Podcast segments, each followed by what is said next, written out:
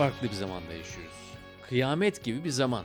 Ama herkesin aynı anda içinde olacağı bir kıyamet değil. Çünkü her gün birileri bir yerlerde kıyameti yaşıyor. Virüs tüm dünyayı sarmış, milyona yakın insan ölmüş, milyonlarca insan işsiz ve güvencesiz.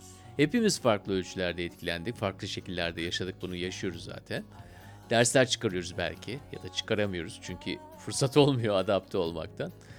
Ee, ama bir şekilde bunun içerisindeyiz. 11-18 olarak da biz bir karar aldık. Türkiye'de ilk vakanın açıklanmasından hemen sonra ara verdik yayınlara. Ee, ara öncesi de son konuğum öykücü Murat Özyaşar'dı. Sonra aradan neredeyse 6 ay geçti ve buradayım. Evet ben Onur Ak Mehmet. Ekip olarak bu zaman dahilinde çalıştık yine de arka planda. Arşivi toparladık, playlistler oluşturduk. Sitemizdeki podcast arama butonunu işlevsel hale getirdik. Ve sizinle de iletişim halindeydik. Çünkü kendi playlistlerinizi bize yolladınız. Biz de onları yayınladık Spotify'dan. Ve e, birçok anlamda şu ana kadar yaptığımız işleri değerlendirdiğimiz bir ara oldu. Yeni dönemde bazı değişiklikler olacak. Biraz daha farklı olacak. Bence bunları zamanla hissedeceksiniz. Şimdi başlayalım. Bugünkü konuğumla devam edelim. Müzisyen Derdali ile başlıyoruz. Profesyonel olarak müzik öncesinde 13 yıl polislik yapıyor Derdali ve 2005 ile 2018 yılları arasında görev yapıyor Türkiye'nin birçok yerinde. Mesleğe ilk başlangıç yılları ise İstanbul'da, Beyoğlu'nda her gece onlarca canlı müzik grubunun sahne aldığı o civcivli zamanlarda işte tam buradaymış. İstiklal'de güvenlik timinde çalışıyormuş. Yan kesicisiyle uğraşırken bir yandan da görev icabı konserlere gidiyor ve arada sırada da kulislerde müzisyenlerle tanışıyormuş. Zaten başlamış olan müzisyenliği de pekişmeye başlıyor o dönemde. Ardından tayin olduğu Urfa'da bu şehrin manevi ortamından ve kendi kişisel arayışından yola çıkarak hayatının devamına dair bazı kararlar kafasında belirmeye başlıyor. Üzerine sınırın her iki yakasında bombaların patladığı bir çeşit kıyametin yaşandığı olaylar binince de Ali eğer polisliğe devam ederse var olamayacağını anlıyor ve malulen emekli oluyor. İstanbul'a taşınıyor ve Kadıköy'e yerleşiyor. Müzik piyasasına profesyonel olarak katılması da işte bu yıllarda 2018 yılında hemen Kozmos Anadolu Müzik adlı albümünü çıkartıyor. 2019'da da Sen ve Ben single olarak yayınlanıyor. Altın Koza Film Festivali'nde de en iyi kısa film ödülünü alan Küfe adlı kısa filmin müziklerini yapıyor. Ve yeni bir hayat başlıyor onun için. Buraya geldiğinde de ilk önce polislik yıllarından başladık ve yaşadığımız çağa doğru birlikte yolculuk yaptık. Buyurun dinlemeye. İlk seni oluyoruz Ali. Hoş geldin Taksim'e. Hoş bulduk. Ee, Nefes nefesesin biraz evet ama. biraz e, geç kaldım diyemem de biraz koşturdum sanırım. Ama hiç de geç kalmadığını biliyorsun artık değil mi? Bir de bu Eylül ayının böyle bir sıcaklığı, serinliği falan var. Ee, biraz da terledim sanırım. Ama geldim yani. Güzel oldu. Hoş bulduk. Vapurla geldin. Evet vapurla geldim. Karşıda mı oturuyorsun? Kadıköy'deyim evet. Ee, Birçok müzisyen arkadaşım da orada olduğu için Adana'dan taşınırken ben de Kadıköy'e yerleştim. Kaç yılında taşındın Adana'dan? İşte geçen sene tam bu zamanlar geldik. Bir sene oldu. Bir sene oldu. Evet yani böyle bir süper bir sürprizle karşılaştık. İşte az önce bahsettiğin zorunlu korona. Ee, devam edeceğiz ama yani İstanbul her türlü İstanbul yani. Peki Kadıköy'de o müzisyen arkadaşlarla yine ev gezmeleri veya stüdyo çalışmaları Tabii devam tabii ediyor mu? onlar tabii onlar devam ediyor. Yani müzik biliyorsunuz işte hocam yani bir şekilde durmuyor. Evde üretimler çok yoğunlaştı bu ara. Evde stüdyosu olan arkadaşlar aslında artı bir önde diyebiliriz yani. Senin nasıl bir düzenin var? E, benim de işte bir home stüdyom var. E, üretimlerime devam ediyorum yani. E, devlet memuruyken en son polis radyosunda çalışmıştım. Orada- Adana'da mı bu? Evet Adana'da. Hı. Orada işte biraz kayıt işlerini falan kafa yordum. Biraz da öğrendim. Yani memuriyetin de öyle bir artısı oldu bana. Sonra işte evde kayıtlar falan derken devam ediyorum. Şimdi 18 Eylül'de yeni bir şarkım da yayınlanacak. Bekliyoruz işte. Sonra devam. Yayınlanacak derken nerede yayınlanıyor? Bütün dijital mecralarda Spotify, Apple Music, hepsinde işte YouTube, Deezer. Hepsinde yayınlanacak 18 Eylül'de. Adem ile Havva. Yani enteresan bir şarkı. Başlangıç. Evet. Başlangıç. Senin hayatında da birçok başlangıçlar var tabii. Yani e, şimdi biraz önce memuriyetinden bahsettin. Hı hı. Ee, ve Artık emekli oldun değil mi? Evet yani emekliyim. Çok enteresan değil mi? Böyle kendim bile duyunca bir Sanki hoşuna da gidiyor biraz böyle hani Yani- genç yaşta emekli ol. evet değişik bir şey yani hani hiç beklemediğim bir sonuçtu zaten. Peki bir zorunluluk muydu? Evet artık zorunluluktu yani çünkü rahatsızlanmıştım yani epey. Ee, panik ataklar falan yaşıyordum yani o dönem. Yaptığın işten dolayı mıydı Tabii peki? yaptım evet yaptığım işten dolayı yani hani zorlu çalışma şartları falan. Ya polisliğin aslında e, genel olarak şöyle bir yukarıdan baktığınız zaman aslında iyi bir şey gibi yani hani şeffaf noktada baktığınız zaman işte yani sizin paranızı çalan insanları yakalayıp onları cezalandırıyor. İşte e, ne bileyim yani bir sürü ahlaksız değerlere sahip insanları cezalandırıyor falan. E, tabii bizim coğrafyada biraz farklı bir işleyiş var. Ee, ama ben yapamadım yani. O noktada baktığımız zaman benim kişiliğime biraz ters düştü. Sonra işte rahatsızlandım. Ha- İşte bir panik atak falan yaygın anksiyete bozukluğu falan derken zaten anksiyete biliyorsunuz yani çağımızın hastalığı. Herkeste bir kaygı bozukluğu. Herkes de var Evet evet yani. Çünkü 21. yüzyıl öyle bir çağ ki yani müthiş bir şekilde inanılmaz değişimler yaşıyoruz yani. Her 3 yılda 4 yılda bir çok ani katı değişimler insan beyninde e, değil mi travmalar yaratabiliyor yani. Dün arkadaşlar gelmişti. Ee, işte çalışıyordu köyde falan böyle mola verirken bunu konuştuk yani. Mesela 1500 yılında yaşayan bir insanla 1600 yılında yaşayan bir insan şey bence farklı değildir yani. Hani orada 1500'de neyse 1600'de de odur. Ama yani şimdi 2000'li yıllara bakıyorsunuz. 2000 arada 20 yıl geçmiş falan. Çok hızlı değişimler. Ve bunlar bütün insanlığı etkiliyor. Özellikle sanatçılar çok etkiliyor. Dijital çağla beraber üretim modeli de değişiyor çünkü. Birbirimizi görmeden müzik yapıyoruz artık. Her şey sanal yani. Evet ama şimdi biraz önce daha önce yaptığın meslekten bahsederken ki anksiyetenin raddesi biraz daha farklı herhalde. Evet yani orada şimdi de Urfa'da göre yaptım ben. Ee, Urfa'da işte o dönemde işit falan işte Ceylanpınar, bombalar falan. Oralara da gittim göreve falan işte. Orada herhalde böyle bazı kalıtsal durumlar oldu yani işte.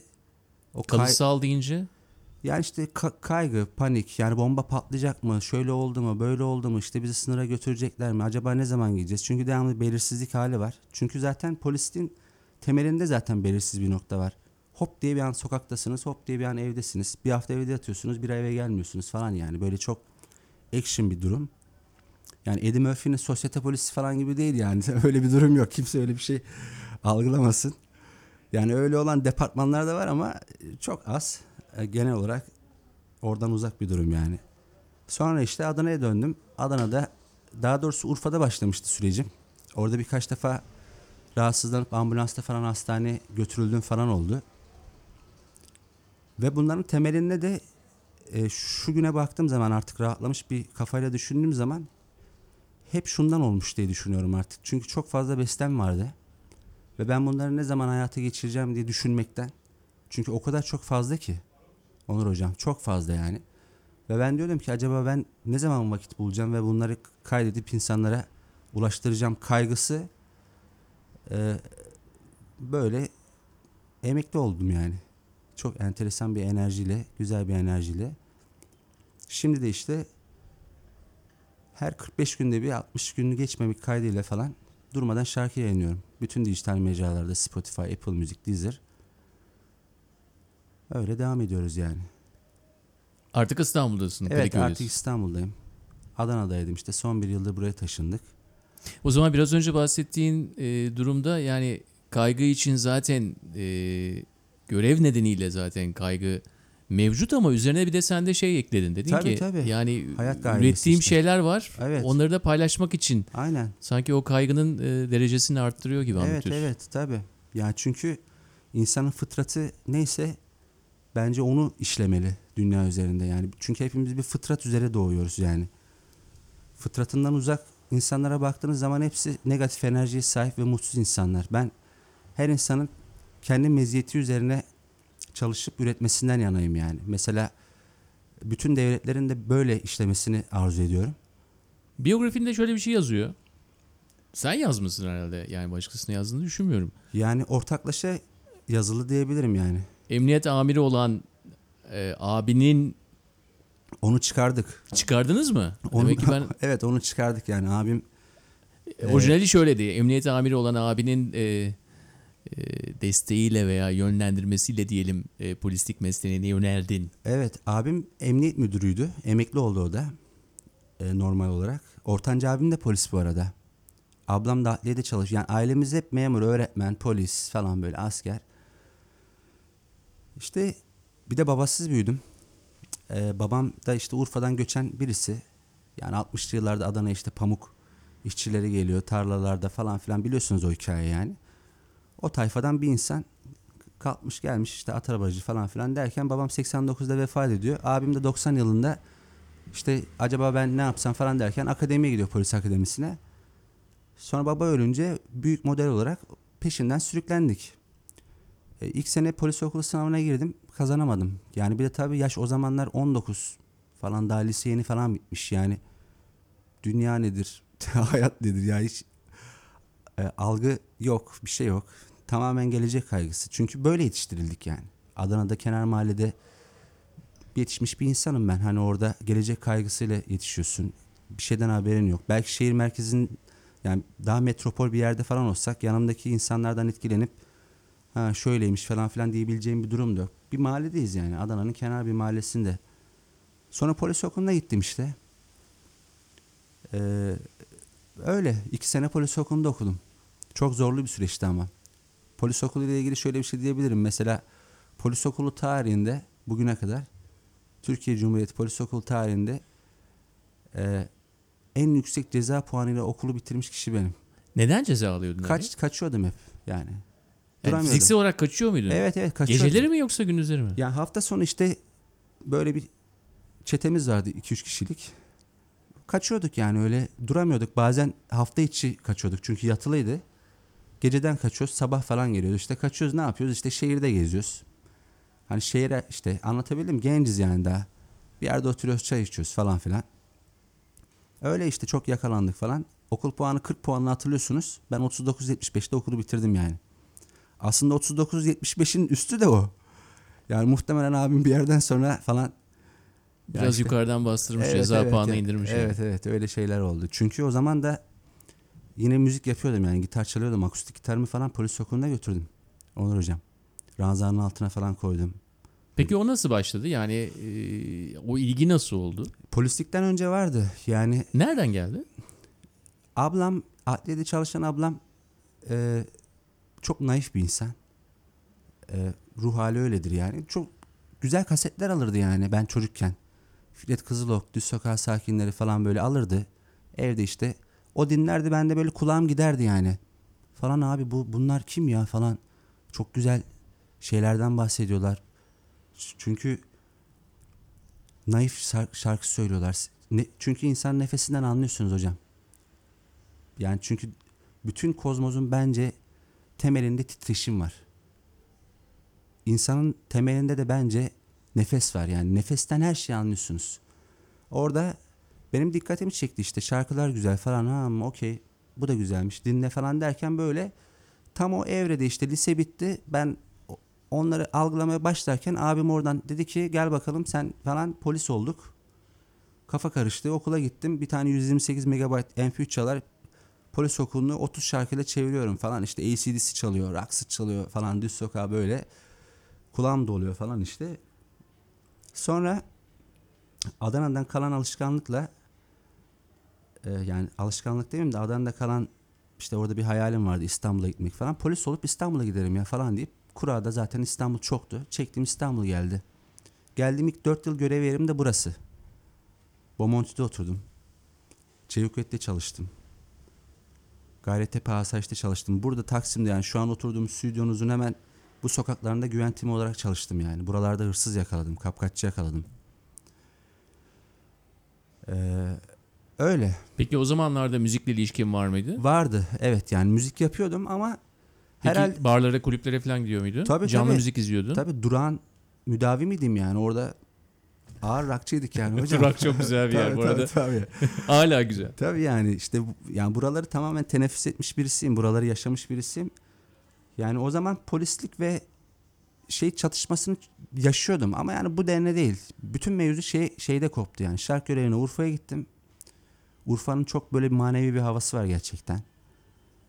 Ee, yani buradaki rakçılık bir kenara gidip orada böyle daha bir tasavvufa falan yönelip işte kendi iç dünyamla ilgili sorgulamalar falan başlayınca hmm falan deyip ondan sonra öyle bir süreç başladı benim için yani. Peki Urfa'ya gittiğin zaman şimdi biraz önce şöyle bir şey söyledin bana. Dedin ki e, İstanbul'u niyetledim, İstanbul'u çektim dedin. Tamam mı? Evet.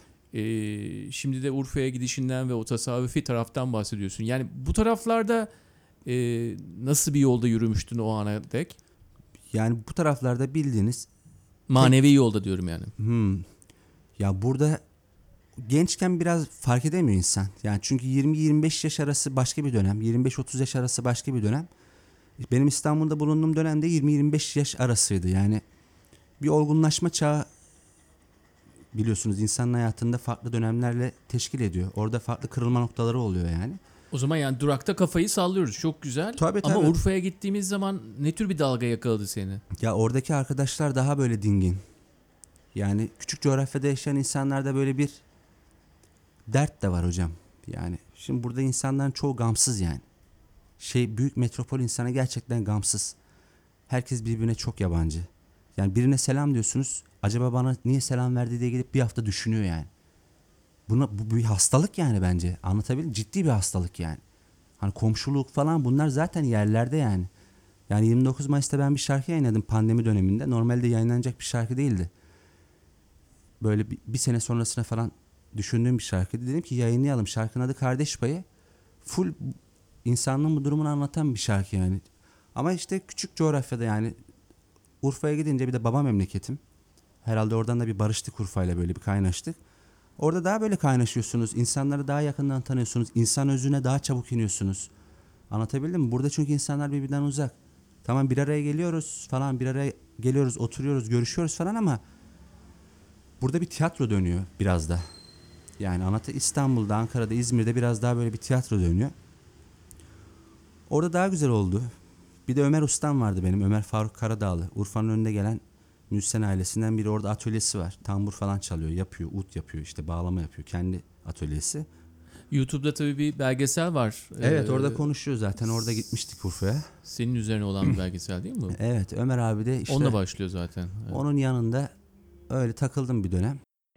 Yalnız değilsin üzülme Herkesin var aşkı kendi içinde Aşıklar kendi halinde Nereye gitsek her yer aynı İnsanoğlu olmuş ayı Armudun iyisini kapmış dayı Hiç bize düşmez kardeş payı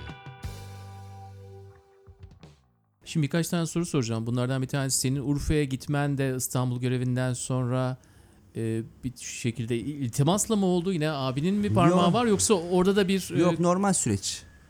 Yani doğum yerin olan yere senin Yok. tayin olman Doğum yerim değil Pardon. eee, Onur hocam. Doğum yerim Adana, baba baba doğum yerim Urfa. tamam baba doğum yeri olan Urfa'ya senin gitmen bir Oluyor. tesadüf değil mi? Evet evet. Ha, tabii o, o da Yani enteresan. kütük falan orada değil mi? Yani mesela ne bileyim Yani zaten polis okulu silsilesiyle başlayan ve bugüne kadar sürecin hepsinde enteresan noktalar var yani. Oraları zaten bu teslim olduk bıraktık yani. yani tam illa Evet. kurcalamıyorsun da çünkü Evet, zaten evet. teslimiyettesin evet diyorsun. yani yapacak bir şey yok artık teslim olduk çünkü bir, bir tokadı yedik hop hmm falan ikinci yumruk ha tamam derken artık Sence o tokatlar hangileri? Yani bir, bu, bu ana kadar anlattıkların arasındaki tokatlar yani babanın ölümüyle mi başlıyor? babamın ölümünü ben hatırlamıyorum yani 3 yaşındaydım ama yani ya mesela polis olmak istemedim ama İstanbul'a gelmek istedim. Ama polis olarak İstanbul'a geldim. Sonra İstanbul hayatını görmek istedim. İstanbul hayatını gördüm. Bu sefer İstanbul hayat- hayatından soğuyup Urfa'ya gittim. Anladım. Yani hem tokatlar esasında hem de bir bir tür bir okşayış yani. Okşayış evet. kozmosun yani, bir evet, şeyi diyorsun. Evet yani böyle bir sırt sıvazlama da diyebiliriz. Güzel. Seninki daha güzel. Evet, Evet, evet. Sıvazlama. Evet. Evet yani böyle durumlar. Çünkü ben biraz şey de bir adamım yani hani Koç burcuyum. Bazı şeyleri bazen çok dikte edebilip ısrar edebiliyorum. O ısrar noktasında her defasında evrenden bir enerji, bir mesaj bir şekilde geliyor yani. Birinde gelmesi ikisinde geliyor. Bunu bütün insanlar yaşıyor. Sadece fark edebilmek önemli. Biliyorsunuz yani sizde. Bütün insanlar yaşıyor sadece fark edebilmek önemli ama Evet. aynı zamanda senin e, yani şarkılarına ad verdiklerinden bir tanesi de Anadolu'nun kozmosu değil mi? Evet. Anadolu'dan kozmoza yani işte Neden Anadolu'dan kozmosa? Neden Anadolu'dan kozmoza? Yani bizim Yani burada şey mi var hani biz Anadolu olduğumuz için mi kozmosla ilgileniyoruz yoksa hani Anadolu ile kozmos arasındaki ilişki daha mı böyle diğer yerlerden daha mı gelişkin acaba? Bence çok güzel bir soru sordun. Yani çok süper bir yere değindin. Bir kere dünyanın merkezindeyiz. O bir gerçek amenna yani. İstanbul, Anadolu her zaman dünya coğrafyasının merkez noktası olmuş. Hep imparatorlar biliyorsunuz buraya göz dikmiş falan. Bir sürü mevzu var. Ve buradan dünyaya açılmak çok mantıklı geliyor bana ve burada doğup büyümüş olmak da bazen şanslı olduğumu hissediyorum. Her ne kadar ekonomik şartlarımız çok kötü olsa da yani bir gitar teli falan alacağız. İşte euro, dolar falan biliyorsunuz uçmuş gitmiş yani. Oralar ayrı mevzular. İstiyoruz ki sanatçılar daha rahat üretebilsin. Derdimiz o yani. Neyse Anadolu'dan kozmoza yani. Çünkü hem doğu batı sentezli müzik yapabiliyor. İran müziğini dinliyoruz bir taraftan. Bir taraftan Avrupa müziği, bir taraftan Amerika müziği falan derken doğu batı tam ortadayız. Yani Çin müziğine de maruz kalıyoruz. Orta Asya falan. İşte santuri girmiş bir taraftan. Hop bir taraftan elektro gitar. Yani her şey var. Ee, namelerimiz de öyle. Ezgilerimiz, makamlarımıza bakıyoruz falan yani çok iç içe. O yüzden de iyi bir durum. Yani zaten rock müziğimizin temeli 1960'lara kadar dayanıyor yani. Yapmış abilerimiz, ustalarımız yani Moğollar 68'de 67'de başlamışlar. Barış Manço'larla falan bugüne kadar gelmiş ve değişen hiçbir şey yok. Sadece bayrak teslimi yapılıyor yani. Onlar da işte dönemin 70'lerde funk müziğinden, Amerikan funk müziğinden etkilenip bizim geleneksel müziğimizi e, harmanlamışlar. Ve ortaya böyle bir durum çıkmış. Yani ben de hep öyle bir durumun içerisinde olmak istedim. Yani yaptığım müziği böyle sağlam davul kayıtları, sağlam bas kayıtları falan, sağlam rifflerle yapmak istedim. Yani Peki çalıştığın insanlar ve etrafında hani mesela Kadıköy'de olan tayfa evet. e, biraz önce bahsettiğin unsurları da entegre eden insanlar mı? Yani şimdi Evet, titreşimler, evet. kozmos falan derken Tabii. bunlar Siz herkes mesela- de illa kucaklamaz ben sana Siz söyleyeyim. kaç senedir buradasınız?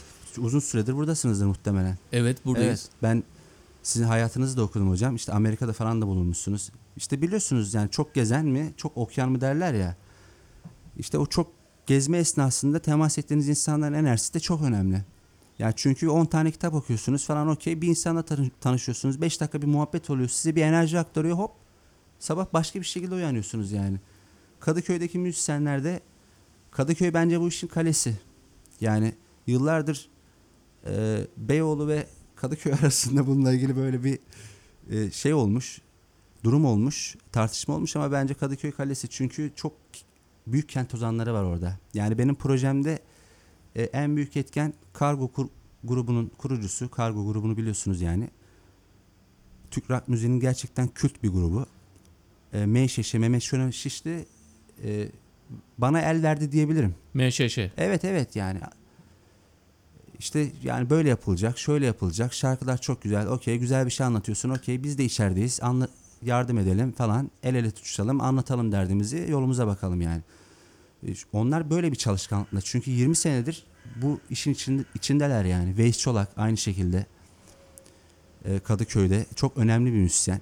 Çok harika bir müzisyen. Hem üretiyor hem çok iyi bir gitar çalıyor. Yani bana sorsanız Türkiye'nin en iyi gitaristi diyebilirim yani. Hem en iyi elektro gitaristi hem en iyi akustik gitar çalan insanı diyebilirim. Daha sonra e, işte Çağatay Bırakın, bas gitar, Ergin Kandemir, benim hemşerim olur ayrı, ayrıca. Teneke Trampet grubunda çalıyor. Nasıl derler bilirsin grubunda çalıyor. Bu insanlar zaten 15-20 senedir o kazanın içerisinde pişen insanlar. Ben sonradan oyuna katılmış birisiyim. Nasıl katıldın oyuna? Ya nasıl katılabiliyorsunuz? Şöyle oluyor. Oyuna katılmanız için elinizde iyi kartlar olması gerekiyor aslında. İyi kartlarınız ne olabilir? İyi şarkı yazacaksınız. Sözleriniz gerçek mi? Yani şöyle söyleyeyim hocam. Ee, Yani sen Kadıköy'e geldiğin zaman daha önceden tanıdığın bazı insanlar vardı herhalde. Vardı orada, değil mi? evet vardı. Çünkü zaten albümüm çıktığında ben Adana'daydım. Ee, ama İstanbul'a da gelip gidiyordum yani. İlk görev yerim İstanbul'da olduğu için senelik izinde mesela Urfa'dan geliyorum. Bir 10 gün kalıyorum gidiyorum falan filan. Öyle ufak bağlantılar devam ediyor. Çok iyi bir kesme şeker dinleyicisi olduğum için oradan da müzisyen bağlantıları falan oluyor. Öyle öyle tabii sosyal ağı biliyorsunuz. İnsanlar oradan birbirini görmeden bütün hayatını takip ediyor artık. Evlendi mi? Ne oldu? Müzik yaptı mı? Nereye gitti? Şunu yaptı. Onlar da o süreci takip ederken takip etmişler yani. Hani o değişimi görmüşler falan onlar da. Okey falan deyip işte oradan Onların da tamamen gözleri kapalı değilmiş yani. Onlar da sana bakıyormuş. tabii Senin tabii. onlara baktığın Evet gibi. yani. Çok enteresan şeyler Değerler oldu. birbirinin içerisine girmeye başlıyor. Evet yani bugün işte bizim şu an bir arada olmamız gibi bir durum yani. Hiç farklı bir durum değil yani. Bugün karşılıklı sizinle nasıl sohbet ediyorsak o durumun aynısı orada o devam ediyor muhabbet yani. Çünkü işte Mesnevi'de bahsediyor ya bütün cinsler bütün cinslerle beraber aynı cinsler aynı cinslerle. Farklı cinsler bir arada olmaz yani hiçbir zaman. Dünyada böyledir yani. Aynı meziyete sahip, aynı gönüldaşlar, aynı muhabbet ehli insanlar her zaman bir arada aynı işi yaparlar ve aynı işi üretirler.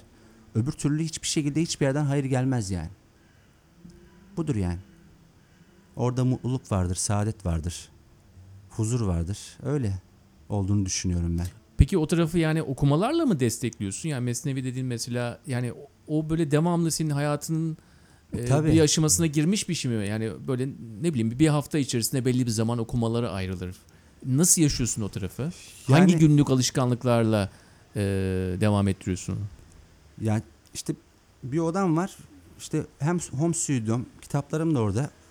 Yazıyorum. Ee, okuyorum da ama yani öyle İlla Plan- şarkı sözü diye yazmıyorsun, yazıyorsun. evet yani planlarım öyle çok katı şekilde değil. Yani sabah uyandığım zaman iyi bir kahvaltı yapıp güne başlıyorum. Yürüyüş yapıyorum. Ondan sonra o gün yapılacak işlerim neyse işte kayıtsa kayıt ya da işte okumaysa okuma, yazmaysa yazma ya da dışarı gidip müzisyenlerle oturmak da aslında bir mesai yani. Çünkü onlarla bir araya geldiğin zaman hop beyin fırtınası tak tak şöyleydi böyleydi falan. Tabii de o işin magazini var. O da güzel oluyor. O şöyle bir iş yapmış abi çok güzel olmuş. Şöyle orada yanlış çalmışlar bilmem ne falan. O da bir mesai. Ama okumaları gece yapıyorum mesela. Bu son zamanlarda hoşuma gidiyor yani böyle bir sabah erken uyanıyorum bazen. Haftanın en az 3-4 gün erken uyanıyorum sabah 5.30-6 gibi. O zamanki okumalar daha iyi oluyor. Çünkü beyin çok taze. Her şey çok sessiz. Bütün insanlar uyuyor. Çünkü insanlar uyanı- uyanıkken çok fazla enerji var hocam. Negatif enerji de çok birikiyor yani. Anlatabildim mi? Yani Tekrar söyle. insanlar uyanıkken diyorum. Uyanık yani. Evet yani. Çünkü herkes bir enerji salgılıyor. O an çok gergin insanlar var. Yani hemen duvar duvarınızın arkasında başka bir dünyada çok gergin bir insanın enerjisi de gelebiliyor. Hiç bilemiyorsunuz yani. O yüzden Bana gece- eşim hep şey diyor yani sen geceleri mesela çok farklı bir insan oluyorsun. Ha. Sabahları çok farklı. Yani sabahları evet. o anksiyeteyi hissediyor. Evet. Ama geceleri daha sürtliman bir haldeyim. Evet yani işte bakın yani siz de aynı şeylerden bahsediyorsunuz. Evet gece okumaları daha iyi oluyor. Özellikle sabah karşı falan. Öyle. Kayıtı da işte kayıt da yapıyorum evin içerisinde. Bütün enstrümanlar kendim çalıyorum. Gitar, santür. İşte Ergin Kandemir'le beraber yapıyoruz. Çok değerli bir arkadaşım, çok değerli bir müzisyen. Ama onlar olmasaydı ben bugün bu, bu işi yapamazdım yani. Onların bana çok faydası oldu. Sağ olsunlar. Böyle.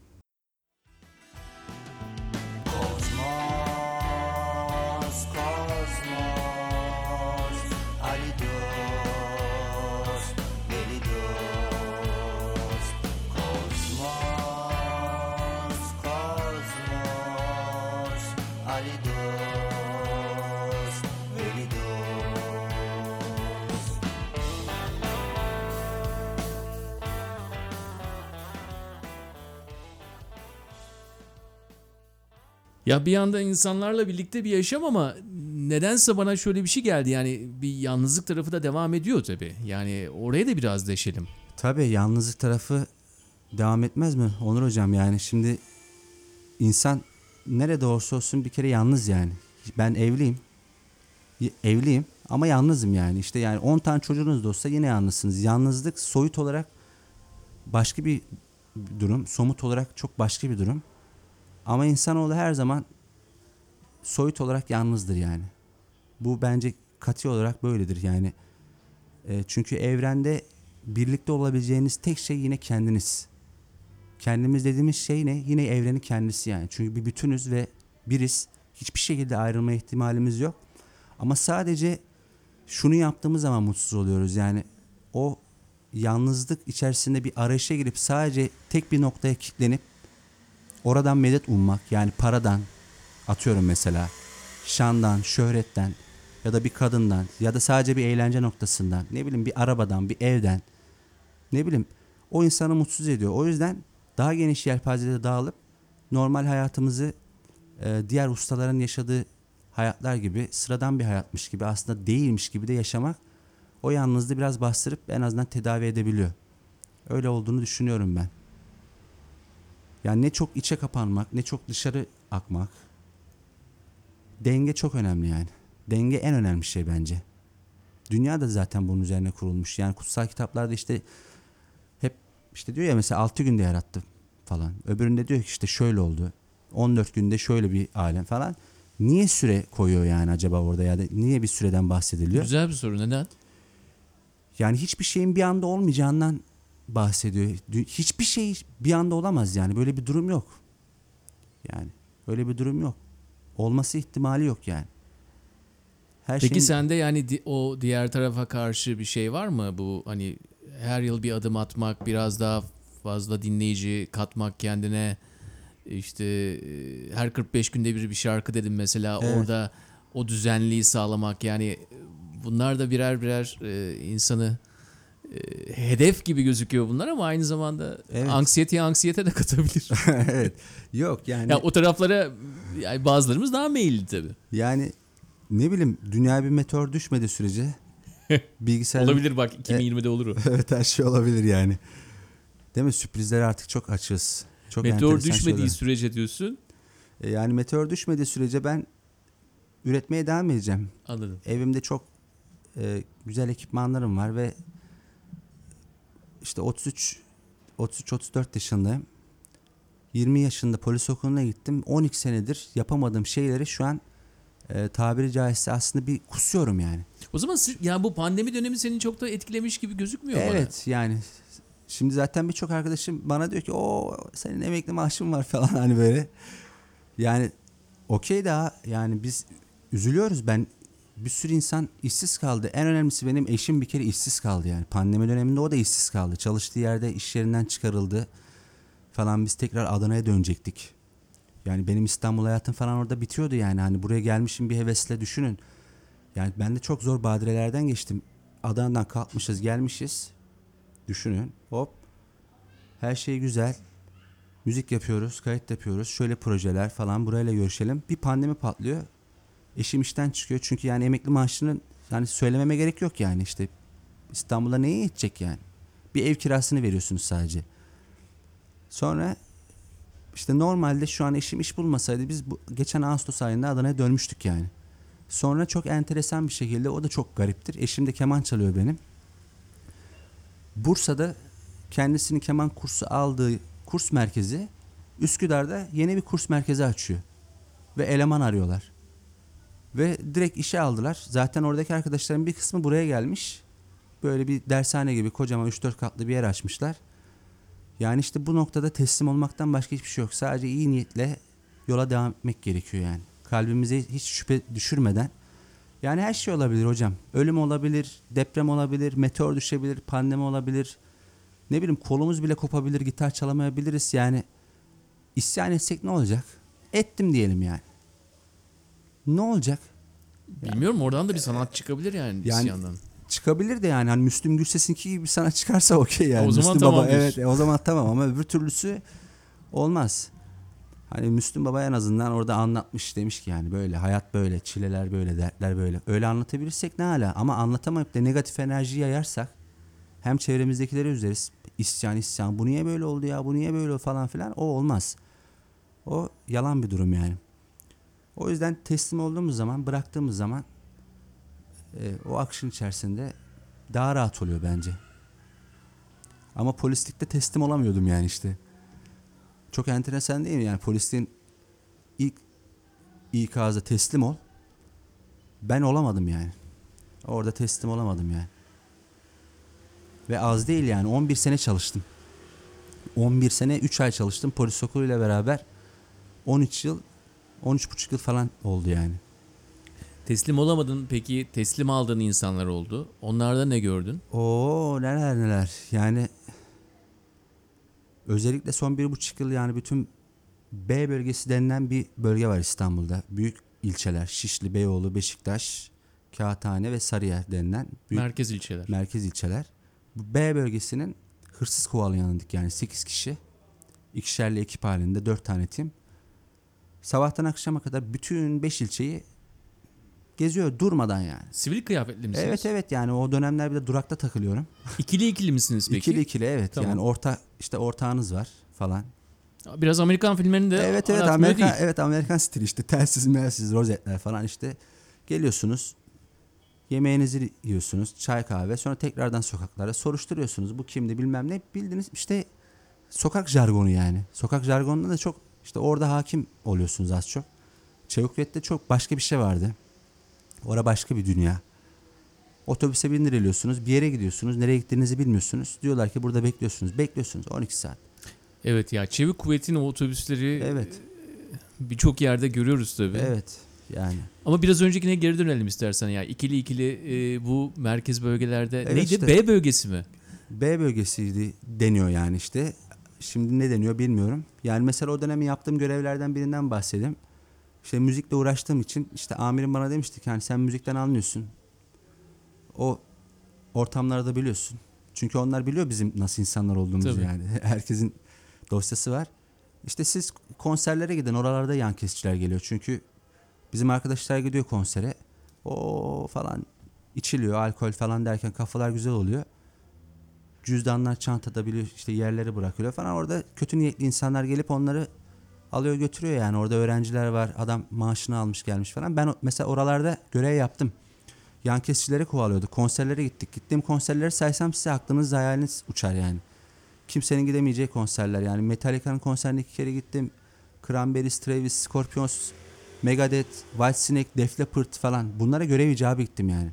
Oralarda kalabalık olunca biz de kalabalığın içerisinde cepçiler Rozeti gösterip giriyorsunuz değil mi? Tabii Yani? tabii orada bizim kartlarımız oluyordu. Zaten kartlarınız Akredite kartı deniyor. Onlarla giriş yapıyorduk. Zaten bir süreden sonra sizi tanıyorlar yani. Oradaki güvenlikçiler, güvenlik amirleri falan. Ee,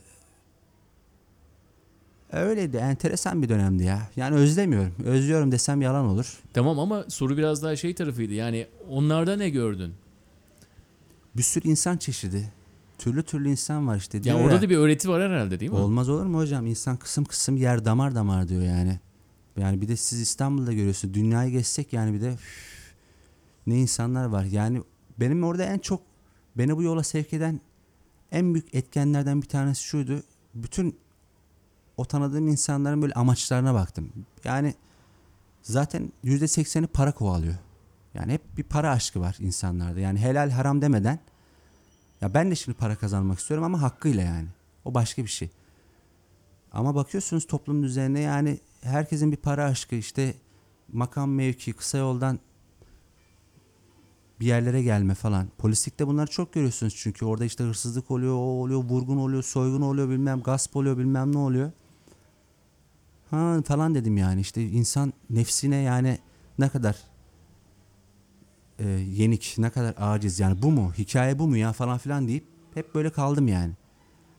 Sonra tabii güzel insanları görünce hmm falan deyip radar o tarafa dönmeye başladı. Hangi güzel insanlar? Yani işte- Müzisyenler mi? Mesela onlar ressamlar ya bir, bir insanın bir şey olmasına gerek yok. Güzel güzeldir hocam. Bir şey yapmasına gerek yok yani. O doğuştan ana rahminden, fıtratından, fıtratında varsa ahlak biraz programlanmış bir şeydir yani. o zaman Hani yan kesicide güzel insan olabilir. Tabii kendini eğitirse niye olmasın? Eğitimle her şey olabilir zaten. Olmaz mı? Ha, Peki yan kesiciliğe devam ederken güzel bir insan olabilir mi? Olamaz. Nasıl olacak ki? Başkasının bir şeyini alabilen bir insan nasıl?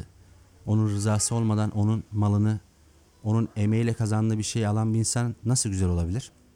Bir kere bunu idrak etmeyen bir insan nasıl güzel olabilir yani? Önce onu idrak edecek yolunu değiştirecek yani. Zaten mesela Arabi'nin bir kitabında diyor ki yani kendi iradenizden çıkıp bütünün iradesine bırakmanız gerekiyor diyor. Onun iradesini diyor yani. Şimdi o orada kendi iradesini ortaya koyuyor. Diyor ki bu iyi bir şey diyor onun cüzdanını çalarsam. Ama sen bütün iradesine baktıysan aslında ne onun ne senin ki- kimsenin yani. Ama onun sadece emeğiyle hak ettiği bir durum. Geçici o da. Ama sen onu hiçbir şey yapmadan, ne emek emek harcamadan, onun rızası olmadan, haberi olmadan onu almak, çalmak bu hiçbir şekilde iyi bir şey değil yani. Bütün kutsal kitaplarda 10 emirde falan zaten çalmayın diyor. Öldürmeyin diyor. Zaten bunlar okey. Onlar amenna yani. E Ben de tabii bunların içerisinde olunca o kötülükleri artık bünyem kaldırmıyordu. Gerçekten. Yani böyle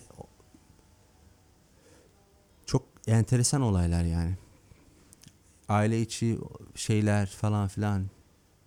Bir sürü bir sürü hikayeler yani. Yani sen polisken e, Tabii, görüyordum. işi işte bırakabilen bir insan değildin. Onu taşıyordun yani. Yani nasıl bırakacaksınız hocam? Herhalde yani yapması en zor mesleklerden bir tanesi değil mi? İşi işi bırakmak. Tabii yani polis olmak için çok ciddi bir psikoloji, çok ciddi bir şey lazım. Kafa lazım yani. Ve bunu yapan çok güzel abilerimiz vardı yani. Ben onlara gerçekten takdir ediyorum. İşini hakkıyla yapan çok güzel e, arkadaşlar vardı yani. İrtibatın devam ediyor mu onlara? Var tabii. Yani dediğim gibi işte güzel insan güzel insan oldu mu? Sana nasıl bakıyorlar? Yani beni takdir ediyorlar zaten benim bu yolda olmamı. Onlar hep istemiş şu an irtibatta olduğum insanlar da zaten. Onlar istemişti. Yani işte Ali'cim sen Ali'cim sen bu işlerden. Evet yani sen, Yavaş yavaş çekilsen Evet, mi? sen işte şöyle yapsan falan filan desteklediler falan. Aman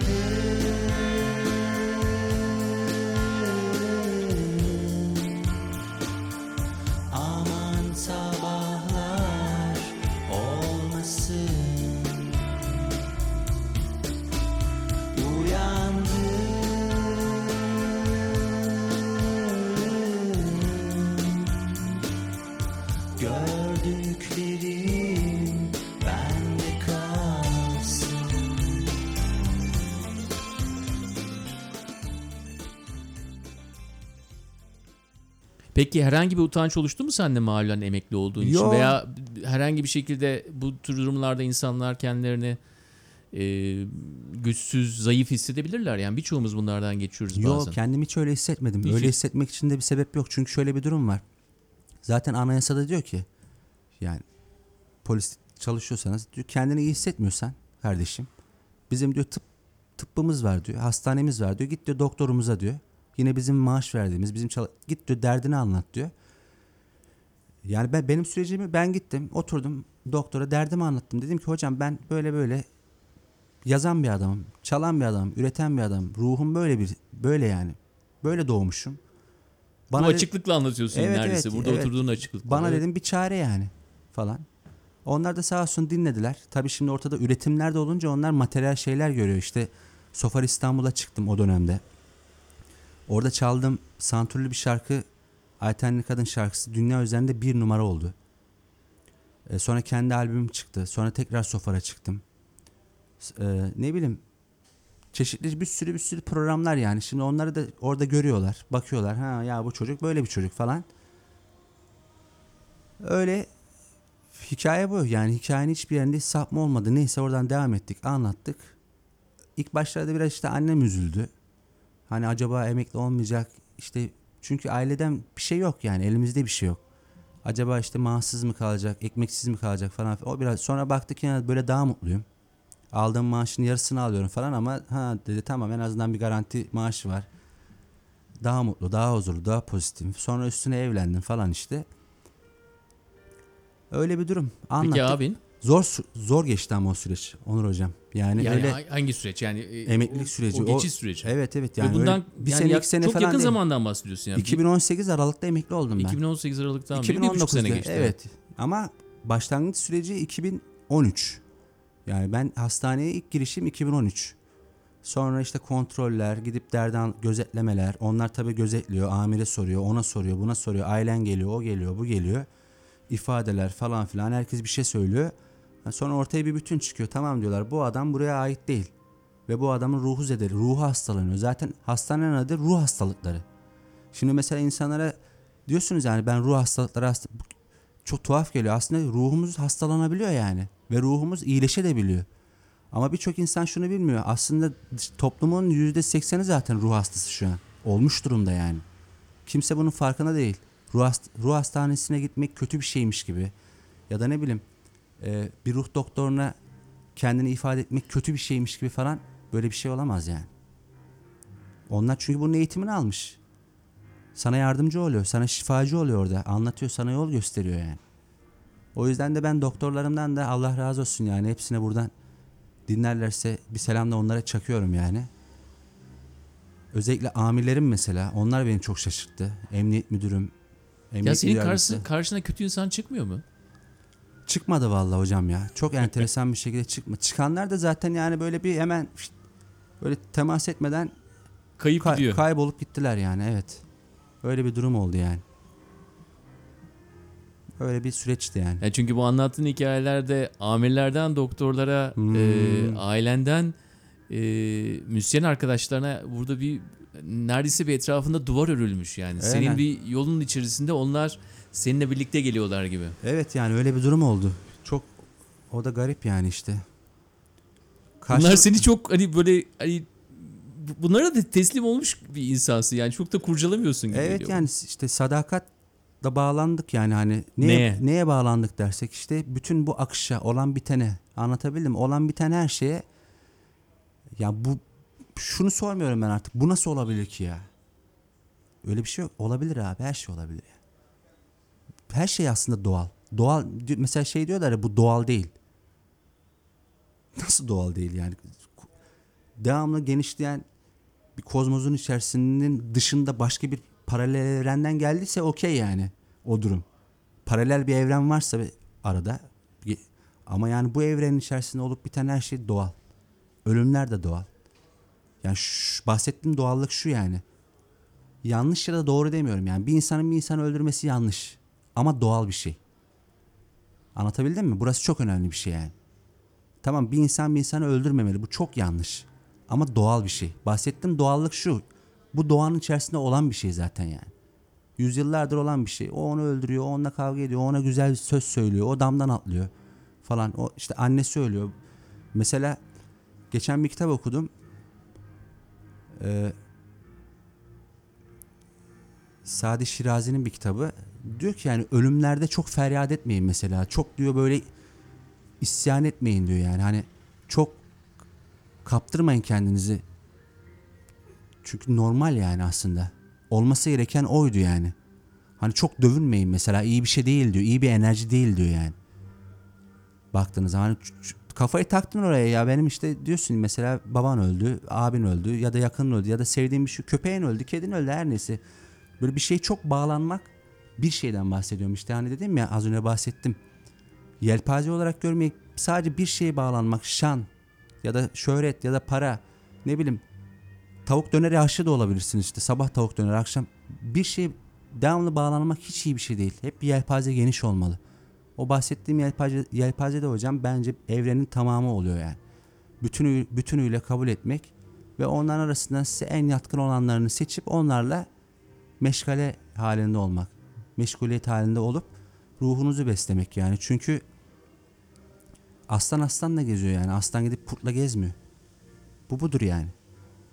O zaman birlikte yürüyeceğin insanları da Tabii, e, o çok bilmen önemli. lazım. Tabii, yani. çok İlla bu önemli. bunlar bir seçim değil ama zamanla kim yapışıyor, kim sana yapışmıyor gidiyor, Evet. sıyrılıyor, kim de etrafında olmaya devam ediyor onun bir farkındalığı olması gerekiyor. Kesinlikle.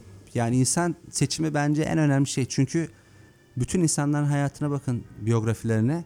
İnsanların hayatının değişim noktasında hep bir insana tanışma faslından bahsediliyor yani. İşte şununla tanıştım böyle oldu. Bununla tanıştım böyle oldu hikayesi.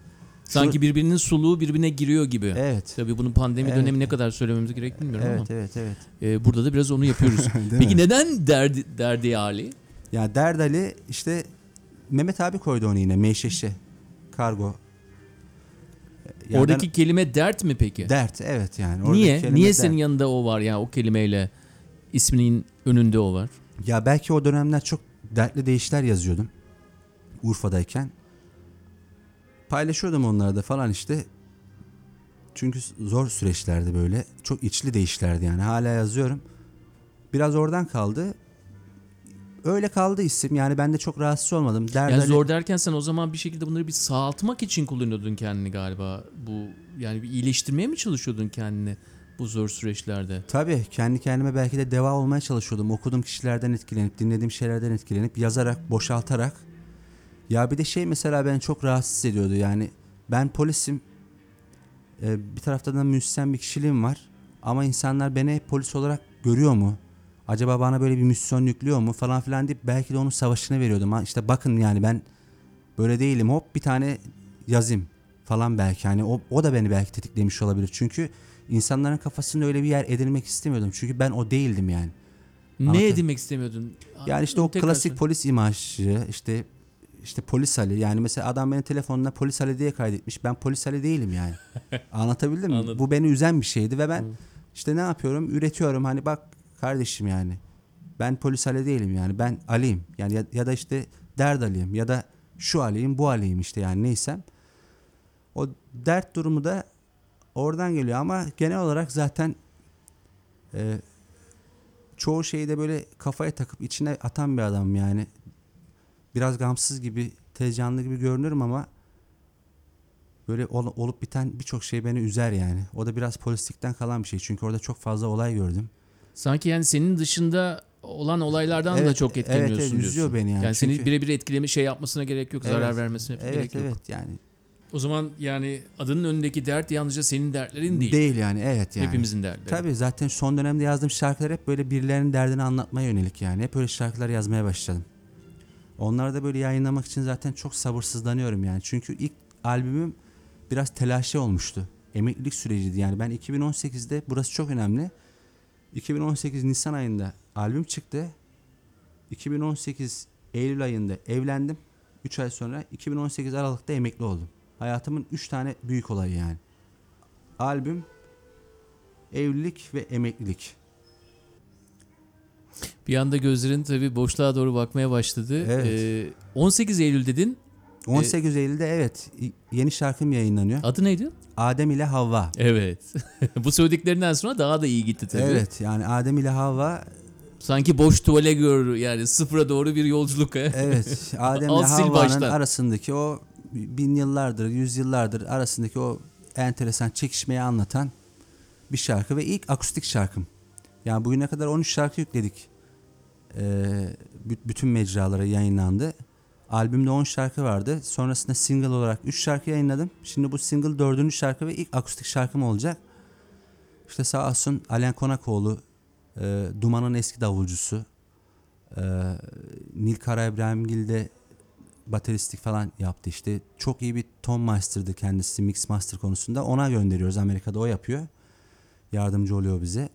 Bir de şeyden bahsetmek istiyorum. Daha önce İrfan katılmış buraya. İrfan abimiz Peyk'ten.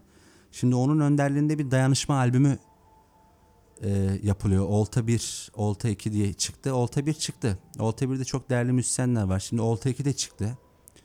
E, buradaki dayanışma albümündeki gelirler pandemi döneminde e, işte maddi olarak zorluk yaşayan müzisyen arkadaşlara bir yardım niteliğinde olacak. Evet. İrfan bu konuda birçok paylaşım Evet, yapıyor evet, tabii. yani Pandemi ki- döneminde özellikle bağımsız müzisyenlerin son 5 ay 6 ayda e, canlı etkinlikler konusunda nasıl bir kesilme olduğunu hepimiz biliyoruz. Evet. Bu konuda diğer grupları da, diğer müzisyenleri de kapsayan bir çalışmaları var. Evet. Sağ olsun. O işte hepimize böyle bir ön ayak oldu. Ben de şimdi Olta 3'e bir şarkı vereceğim. Ayrılık Yarası diye bir şarkı. İşte o da akustik olacak. Böyle peş peşe işte 18 Eylül'de Olta 3'te Ekim Kasım gibi falan yayınlansa yani sene bitene kadar bir iki şarkı daha yayınlanır. Yani bizi dinleyen arkadaşlardan e, Derdale olarak bütün Spotify, YouTube ha bir de Kadıköy'de bir ev diye bir proje başlattım ben. Kendi evimde e, değerli ustaların şarkılarını çalıp söylüyorum. Ne zamanlarda? İşte Belli zamanlarda mı? ya 3 haftada bir yayınlıyorum bazen. Bazen 2 haftada bir. ha Bazen evine ayda bir. çağırmıyorsunuz bizi değil mi? Bunu Yok, yok, ben Tamam. kendim çalıyorum okuyorum. Kadıköy'de bir ben ev. sofar gibi zannettim bizi Yok, çağırıyorsun. yok. Kendim kendi repertuarımdan daha önceden çaldığım işte türküler oluyor bazen. İşte e, Ya bazıları senin bestelerin bazıları da anonim Daha beste şey olan. okumadım hiç. Şu an hep genelde Tamam. anonimden Anonimden, gidiyorum. tamam. Evet 50 bölüm çekmeyi düşünüyorum işte. Şu an 6 bölüm çektik. 7. bölümde yayınlanmak üzere az kaldı. Onu, onu da takip etmelerini isterim yani e, dinleyicilerin. Böyle bir üretim süreci işte benim için iyi gidiyor yani. Meteor düşmediği sürece her şey iyi gidecek. Evet meteorlara takıldık evet. Meteor düşmediği sürece diyorsun Çünkü- ki Çünkü diyorlar yani bir meteor her şeyi bitirebilir. Öbür türlü bitecek gibi görünmüyor yani. Ali iyi ki buradasın. Yani iyi bir başlangıç yaptık Eyvallah. seninle pandemi sonrası. Pandemi Eyvallah. sonrası demeyelim tabii. Ee, Evet. Karantina sonrası. Evet.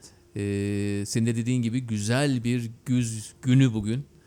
Ee, ben biraz önce bahsetmiştim yani eşim böyle gündüz saatlerinde benim başkalarının e, enerjilerine oldukça açık olduğum için anksiyetimin arttığını söylüyordu ama e, aynen senin bana verdiğin gibi ben de e, seninle onu hissettim yani o dinginliği hissettim. Eyvallah eyvallah Onur hocam. Ben de çok memnun oldum. Buraya gelip sizle e, böyle bir muhabbet içerisinde olduğum için ofisiniz çok güzel. Yani güzel bir ambiyansı var. Sizin enerjiniz de güzel. E, önceki programlarda dinleyip zaten böyle büyük bir aşkla geldim yani. Çok güzel projelere e, imza atmışsınız. Baktım, inceledim. Diğer arkadaşların da takip etmesini mutlaka zaten isterim yani. Sağ olasın Ali. Mahrum kalmamak gerekiyor. Hep beraber o zaman rastgele diyoruz. Eyvallah.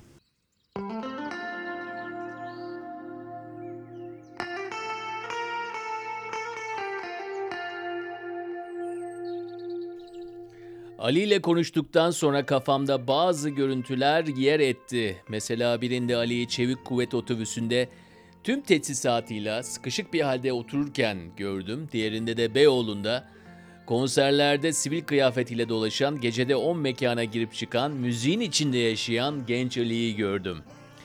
Sonra polislikten ayrılması da bir süreç tabii bize anlattı 5 sene sürüyor. Yıllar süren bir dosya hazırlığı olmuş. İşe yeni başlarken ki yaptığı hazırlığı da biraz anlattı girdiği imtihanlar. Ama hayatının o evresini kapatırken de bir dosya hazırlaması gerekiyor. Yani bir önceki hikayemizi anlatmadan bir sonrakine de geçemiyoruz ve ilerleyemiyoruz. Meteor düşmesi dedi bolca. Her an her şey sonlanabilir. Bir nefese muhtaç kalabiliriz. Birçok insanın karantina dönemi yaptığı sorgulamaları hayatın tümüne yaymış ve son zamanlarda da birçoğumuzun yaşadığı belirsizlikleri Ali en üst seviyeden yaşamış, dert Ali olmuş. Müzisyenin yeni şarkısı Adem ile Havva 18 Eylül Cuma Spotify, Apple Müzik ve Deezer'dan çıkıyor. Derdali Müzik olarak aratarak Facebook üzerinden Derdali Official olarak da YouTube'dan yine Derdali yazarak da Spotify'dan ona ulaşabilirsin. Gelecek hafta yönetmen Orçun Benli burada. Dokunmadan temas etmek ve yeni insanlarla tanışmak için Spotify'da 1118'e abone ol ve yaşamaya devam et. Herkese iyi haftalar diliyorum.